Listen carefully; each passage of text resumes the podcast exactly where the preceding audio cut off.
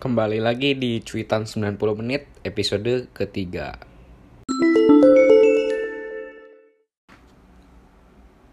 Oke, hari ini gue mau bahas lagi uh, preview Premier League uh, Chelsea lawan Leeds yang berakhir dengan skor kacamata 0-0. Menurut gue gamenya overall lumayan membosankan dan yang mau gue highlight adalah gue lumayan uh, kaget melihat Tuchel merubah uh, formasi dan sistem permainan Chelsea. Semenjak dia datang dari first game lawan Wolves sampai uh, terakhir lawan Everton menerapkan 3-4-3 dan tadi lawan Leeds uh, memainkan formasi 4-2-3-1 yang menjadikan Havertz sebagai false nine.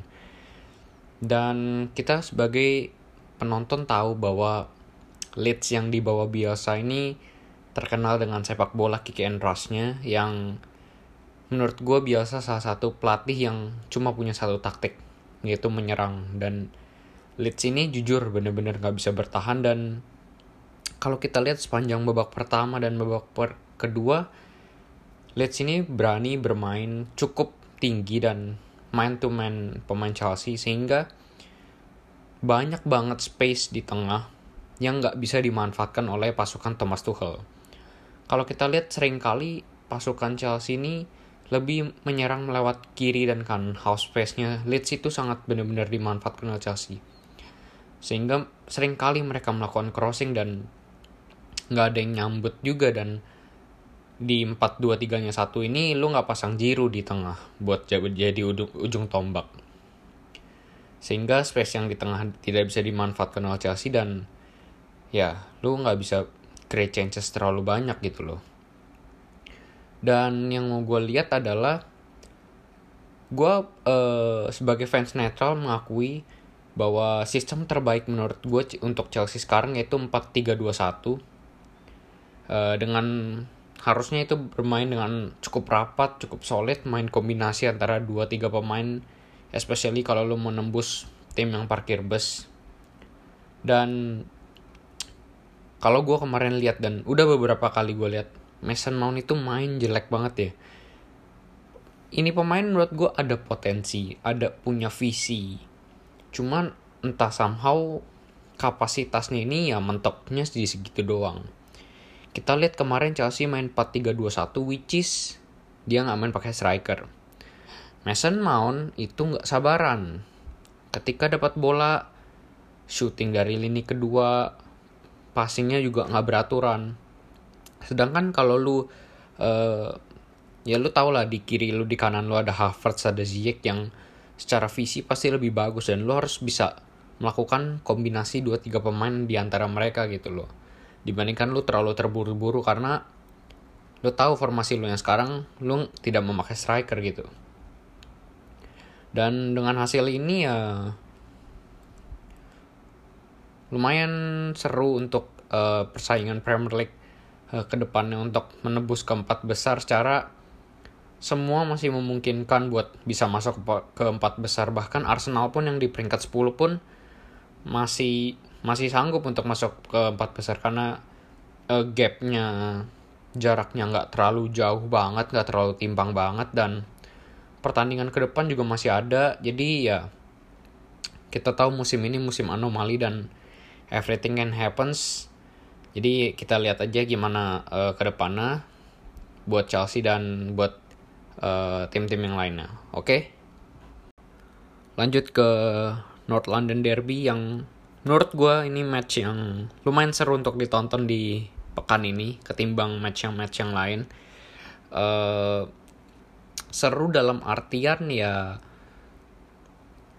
pengaplikasian dua strategi yang berbeda dari pasukan Arteta dan Jose Mourinho.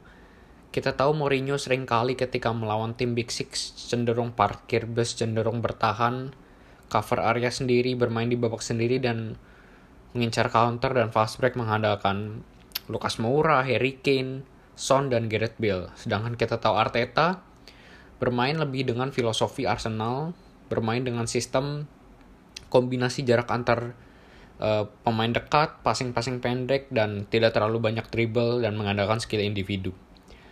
sebelum masuk ke match gue mau recap bahwasannya Jose Mourinho ini mengeluarkan statement cyber sebelum match dimulai di mana ketika dia tanya e, gimana hmm, persiapan lo untuk melawan Arsenal? Dan dia bilang bahwasannya kami tidak pernah melihat ke bawah. Kami selalu melihat ke atas which is Arsenal ada berada 7 poin di bawah kita dan kita tidak melihat itu. Jadi menurut gue ini secara nggak langsung udah nyipratin sedikit Cywar sebelum pertandingan yang buat match North London Derby ini semakin panas dan ujung-ujungnya Mourinho kena karma juga dan ya Spurs kalah gitu loh. Oke sekarang masuk ke pertandingan yang menurut gue di babak satu bener-bener 100% Arsenal menang dari segala sisi. Meskipun skor 1-1 di babak pertama. Kita lihat ya 20-30 menit pertama Arsenal control the game. Semua uh, dia pegang bola jarak antar pemainnya rapat ya. Jadi once Arsenal uh, fail atau salah passing ketika membangun serangan itu di tengah ada dua pivot. Ada party yang Mazaka yang bisa langsung man to man. Jadi counter Spursnya ini udah udah dirancang uh, sedemikian rupa oleh Arteta sehingga uh, bisa dicegah lah dan bisa diantisipasi. Kalau kita lihat Spurs main cukup rapat ya. Cukup dalam ada Doherty di sana ada Hoybier yang benar-benar sebagai tukang pukul Spurs.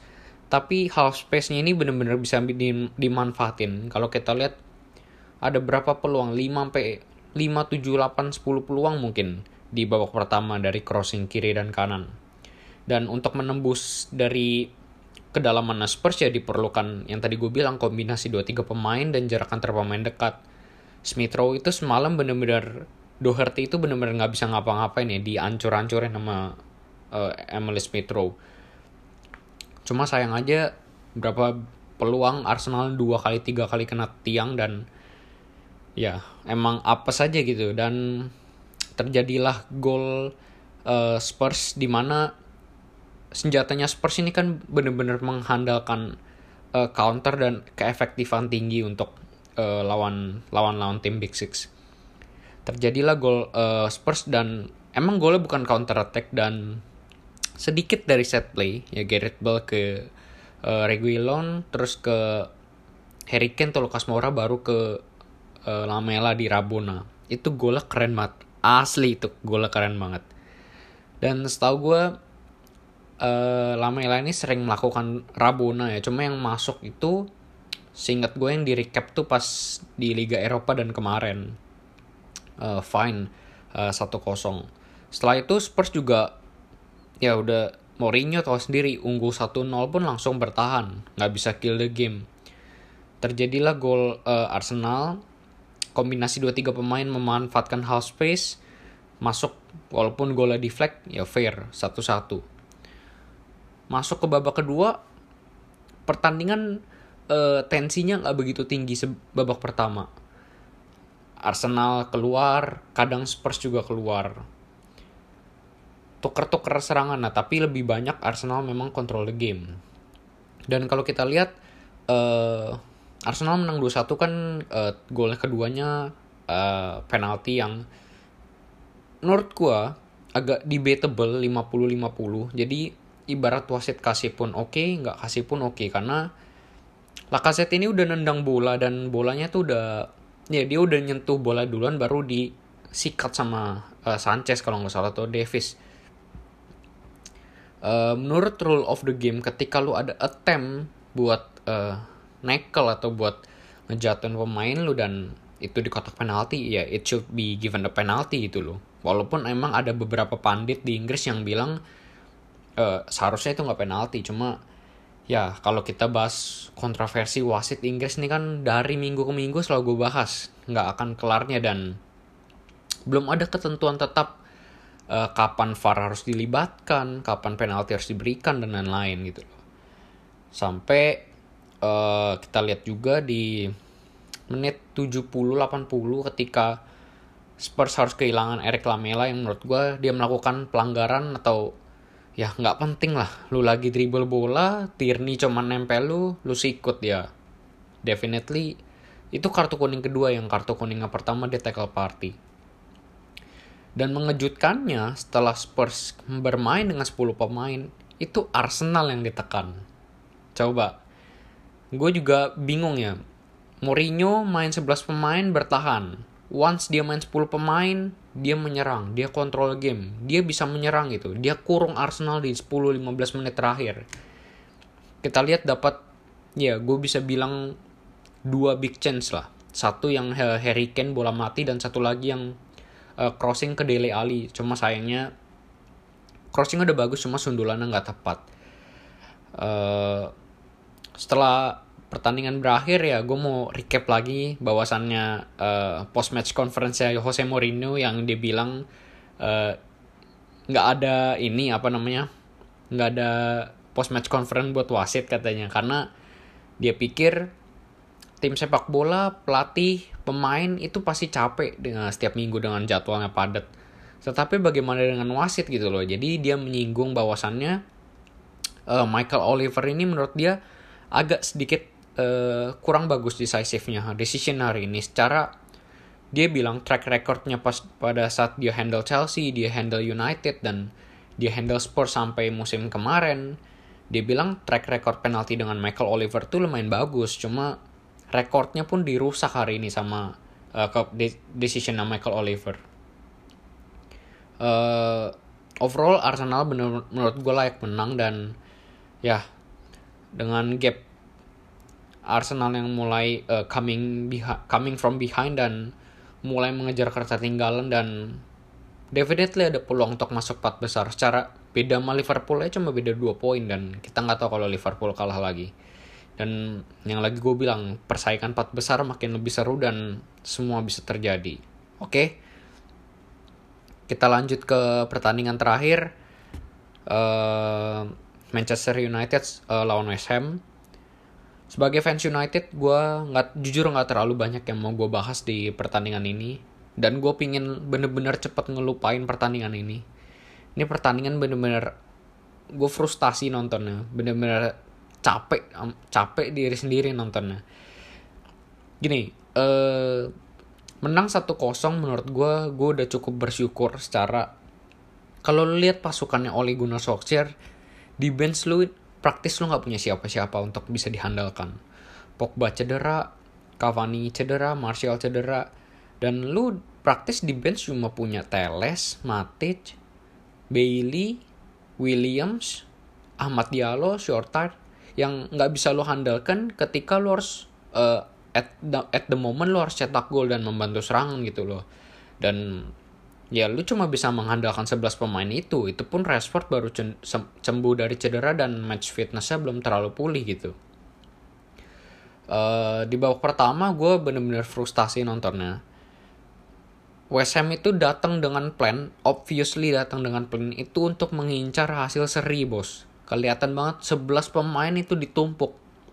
Kalau orang bilang parkir bus, itu udah parkir tronton di situ. Bener-bener rapet banget di situ. Dan jujur MU nggak bisa menjalankan sebuah sistem kombinasi 2-3 pemain yang dapat uh, menghancurkan low blocknya pasukan David Moyes gitu. Lebih mengandalkan shooting dari lini kedua dan crossing-crossing biasa. Sampai babak ke satu kelar ya MU cuma muter-muter doang. Masuk ke babak kedua juga nggak berubah. Golnya juga menurut gue gol hoki ya uh, McTominay uh, deflect jadi on goalnya siapa gitu. Dan nariknya setelah satu gol itu gua pun lega. Lega dalam artian bukan udah pasti menang ya karena uh, pasukan David Moyes pasti lebih mengambil inisiatif, lebih mengambil uh, resiko untuk menyerang. Dan ketika mereka mengambil resiko untuk menyerang, ketika mereka keluar, definitely ada space yang ditinggalkan oleh banyak pemain West Ham yang bisa dimanfaatkan oleh United untuk melakukan counter dan fast break. Terbukti beberapa peluang, 2-3 peluang aja. Itu bisa di-convert jadi gol kalau emang finishing lagi, lagi bagus, pemainnya lagi uh, top perform. Kita lihat ada dua counter yang berbahaya yang satu yang Daniel James terlalu terburu-buru. Passing akhirnya nyangkut di kaki Bruno. Yang kedua yang Greenwood. Menurut gue gue ngelihat itu udah udah gol dan ternyata kena tiang. Cuma ya ya it, anything can happen in football dan itu emang terjadi gitu dan lu sial aja. Dan West Ham bisa lo bermain menyerang dan lumayan menekan United. Cuma emang gue akuin uh, semalam itu United main dengan sangat bagus dengan sangat kompak dengan sangat solid khususnya di bagian defense. Tapi dengan sisi serangan obviously very very bad gitu apalagi di sisi kanan uh, lu cuma bisa ngandelin Wan Bisaka dan Daniel James which is untuk menyerang skor gue buat mereka berdua adalah zero bener-bener zero. Gak memberikan nilai tambah apa pun ke United. Sering salah passing dan ujung-ujungnya hilang bola. Ya gue bisa bilang ini ugly win yang bener-bener pingin gue lupain dan udah kita move on ke match selanjutnya yang menurut gue lebih penting uh, mungkin segitu aja uh, buat review gue di uh, review Premier League minggu ini uh, kita ketemu lagi di episode minggu depan oke okay? see you